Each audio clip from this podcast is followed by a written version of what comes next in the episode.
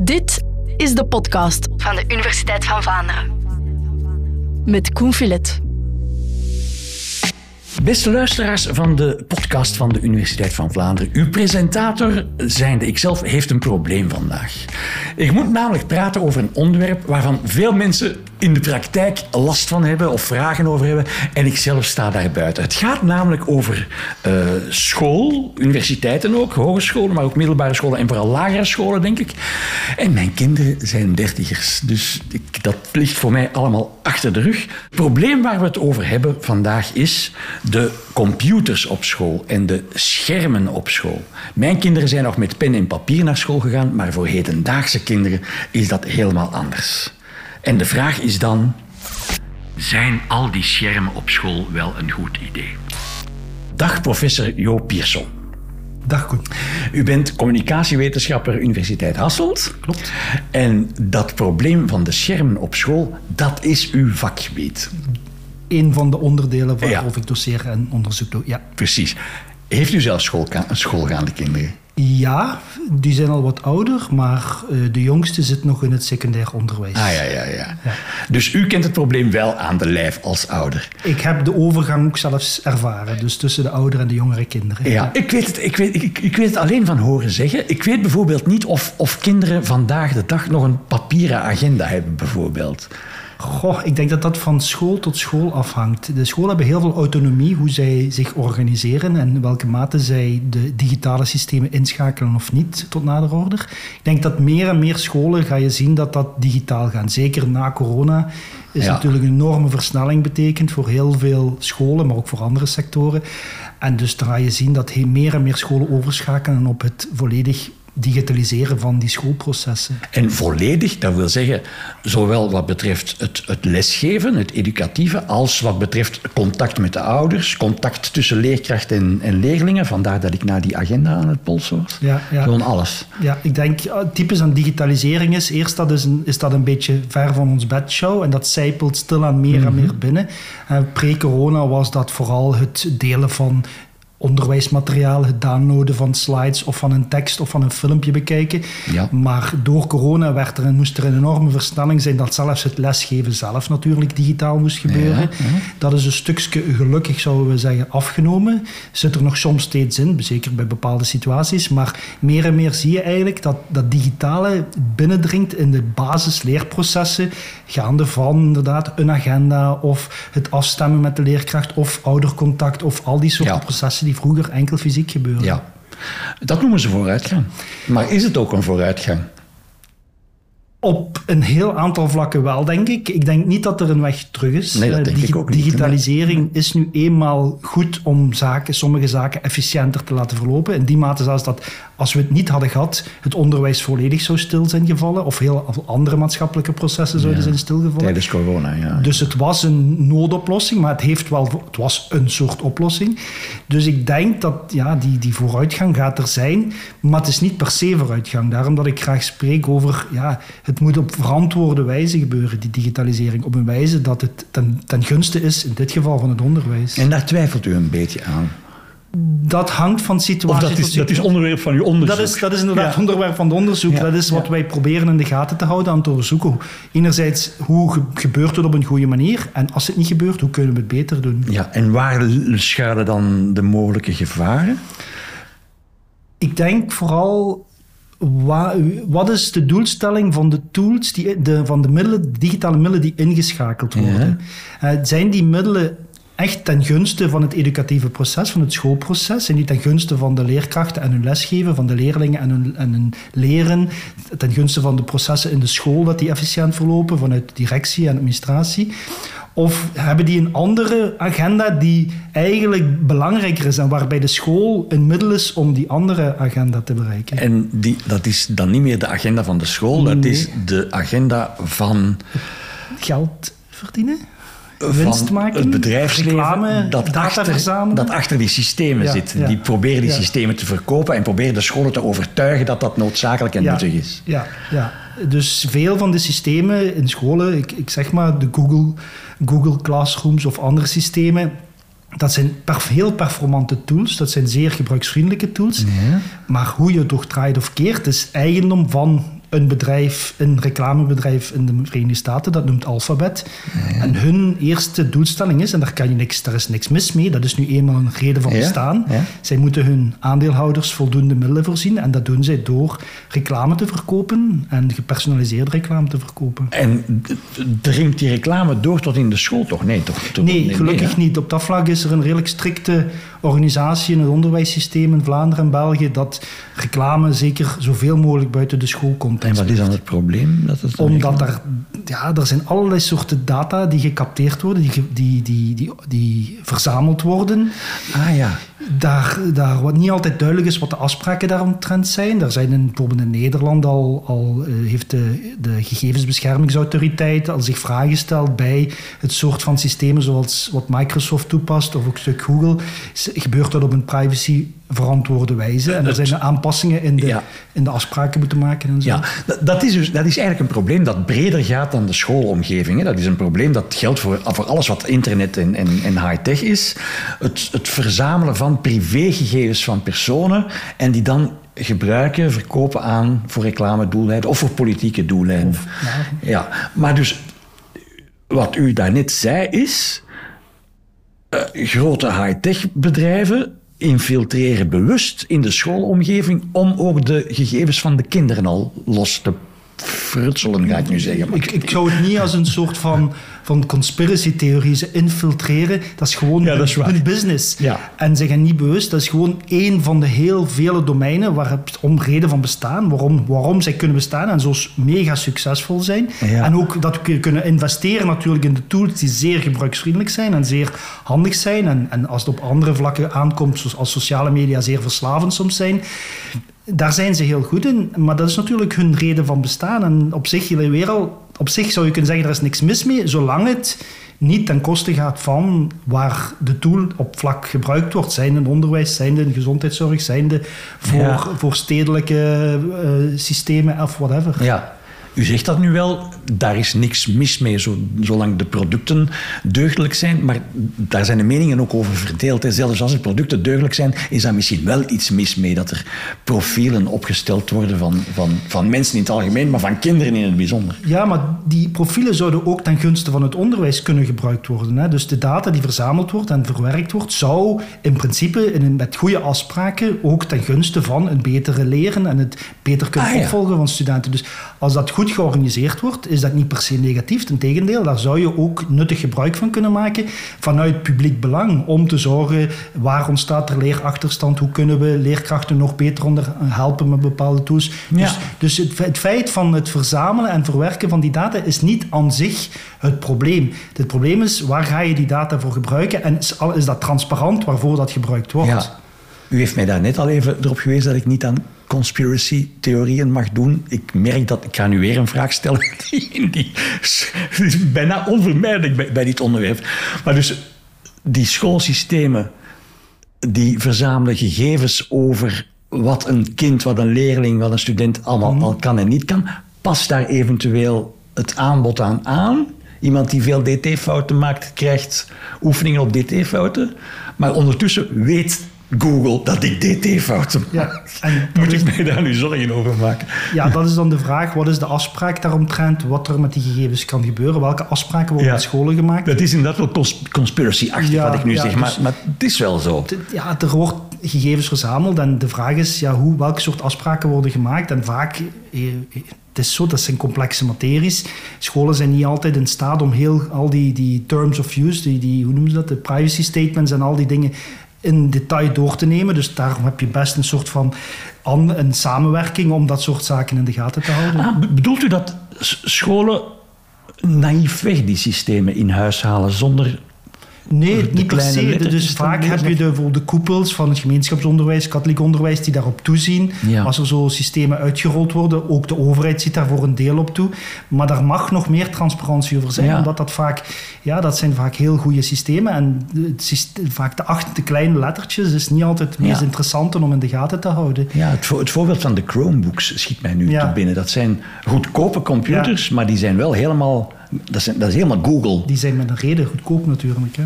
omdat Google graag heeft dat, dat... er veel data mee verzameld kan worden natuurlijk Ja. ook. hè. Ik weet niet hoeveel procent van de scholen Chromebooks gebruiken, maar het zijn er veel, hè? Getallen zou ik me ook niet direct te binnen schieten, maar er zijn, dat is wel zeker sinds de, het, het, het, het ver- ver- verdere digitaliseren en de, ook de, de bijkomende ondersteuning die geboden wordt van de overheid, is dat aanzienlijk toegenomen. Dat klopt wel. Ja. Waar men zich ook vaak zorgen over maakt, is ehm, inclusiviteit. Eh, aandacht voor, voor verstandige leerlingen, aandacht voor minder verstandige leerlingen, aandacht voor leerlingen met een rugzakje. Het soort van systemen wat u beschrijft, die dus anticiperen op wat een leerling al kan.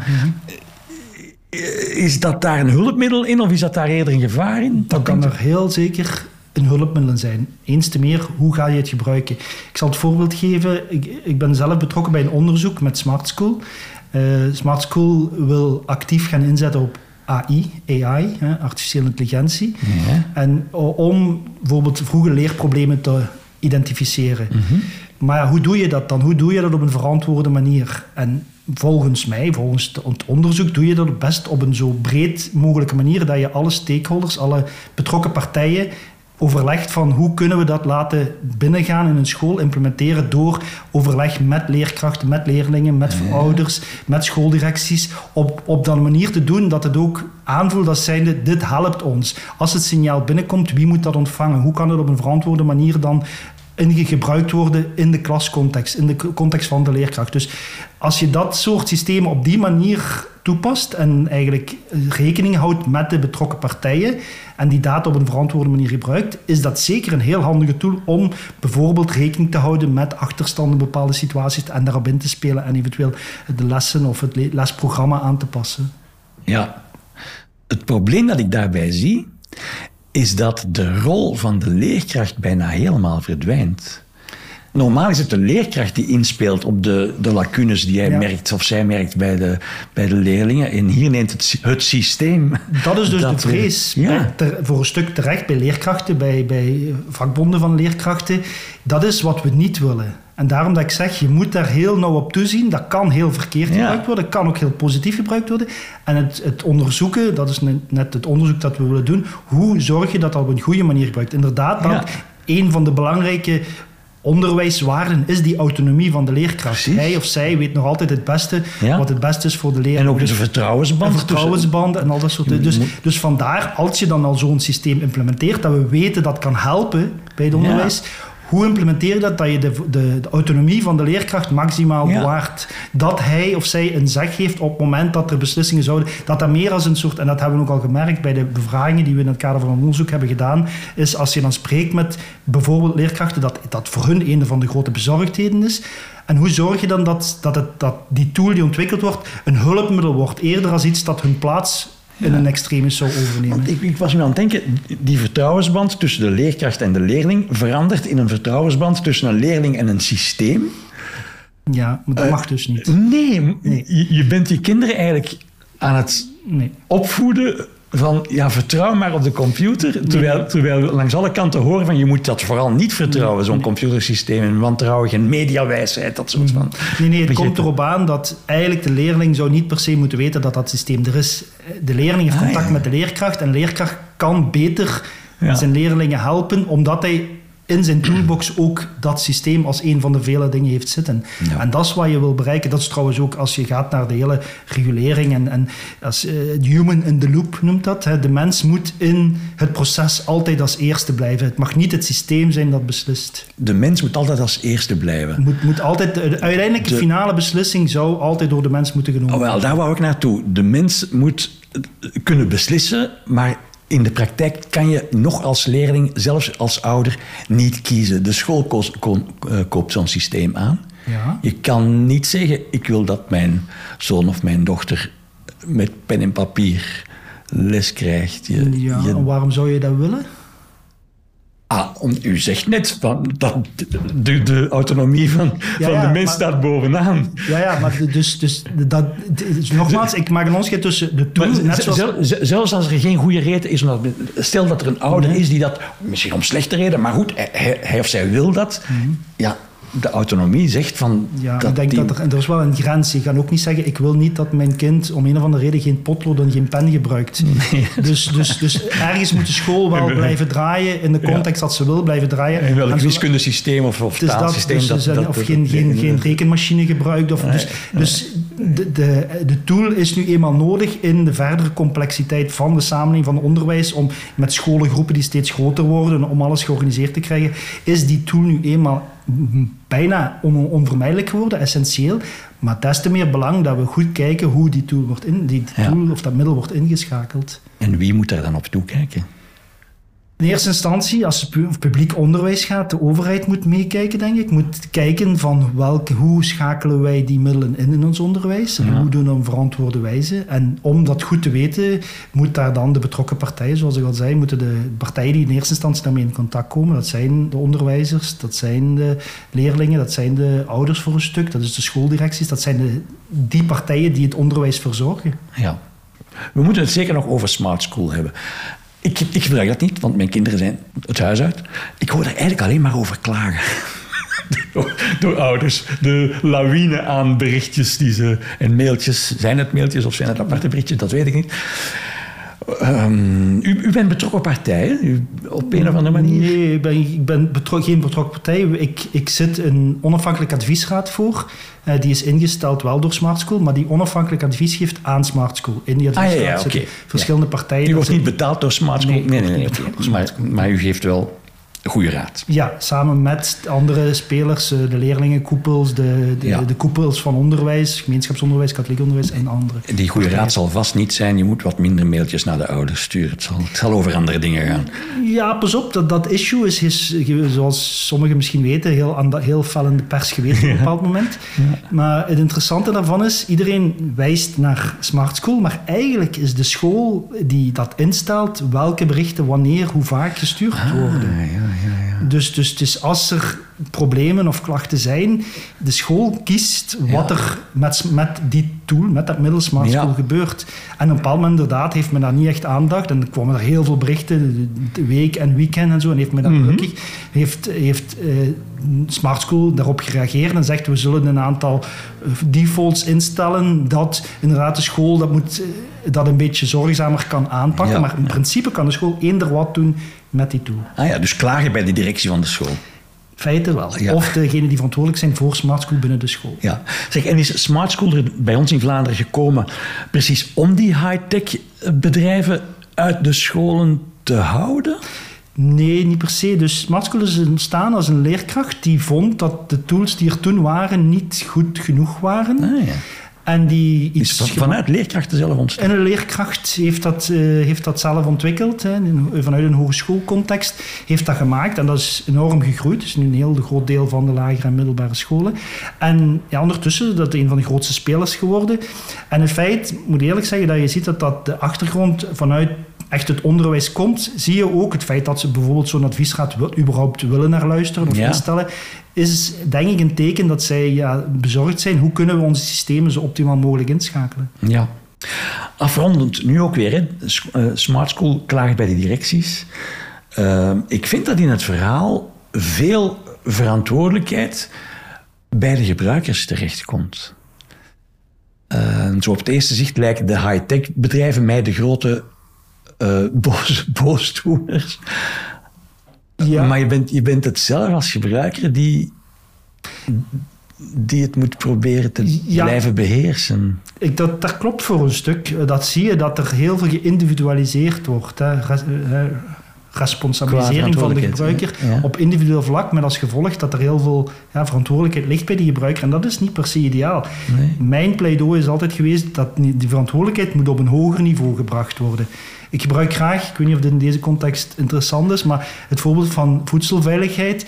Je bent ook als individuele consument niet verantwoordelijk om in de winkel te gaan testen of elk voedingsproduct nog giftig of niet giftig, of dat veilig of niet veilig is. Daar is een tussenniveau, FAVV in dit geval, dat jij als consument weet van als je naar de winkel gaat, wat ik daar koop is in principe oké. Tenzij ik wel- ik moet wel naar de vervaldatum kijken. Ik Ja. wel, maar dus ook hier denk ik, als het over data en individualisering gaat, ja, ergens, het zou niet mogen dat elke individuele gebruiker al die dingen moet zelf begrijpen, controleren, opvolgen. Daar is, daar is nog nood aan bij. Je zou moeten gerust kunnen zijn als een school een systeem aanbiedt, dan is dat getest en veilig bevonden. Inderdaad. Ja. En dat geldt ook voor vele andere digitale systemen trouwens. Ik wil terug naar de openingsvraag, mhm. professor Pearson. Zijn al die schermen op school wel een goed idee? God, er is, zoals elke academicus vaak zegt, ja en nee. Ja.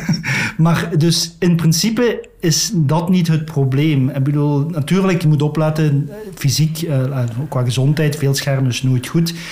Maar digitalisering van het onderwijs is iets dat onvermijdelijk is. En dat is niet per se goed of slecht, dat is de manier waarop je het gebruikt. Dus ik denk die schermen kunnen goed zijn in de mate dat ze voor mhm. het goed van het onderwijs gebruikt worden. Met mate, sowieso schermen best altijd met mate.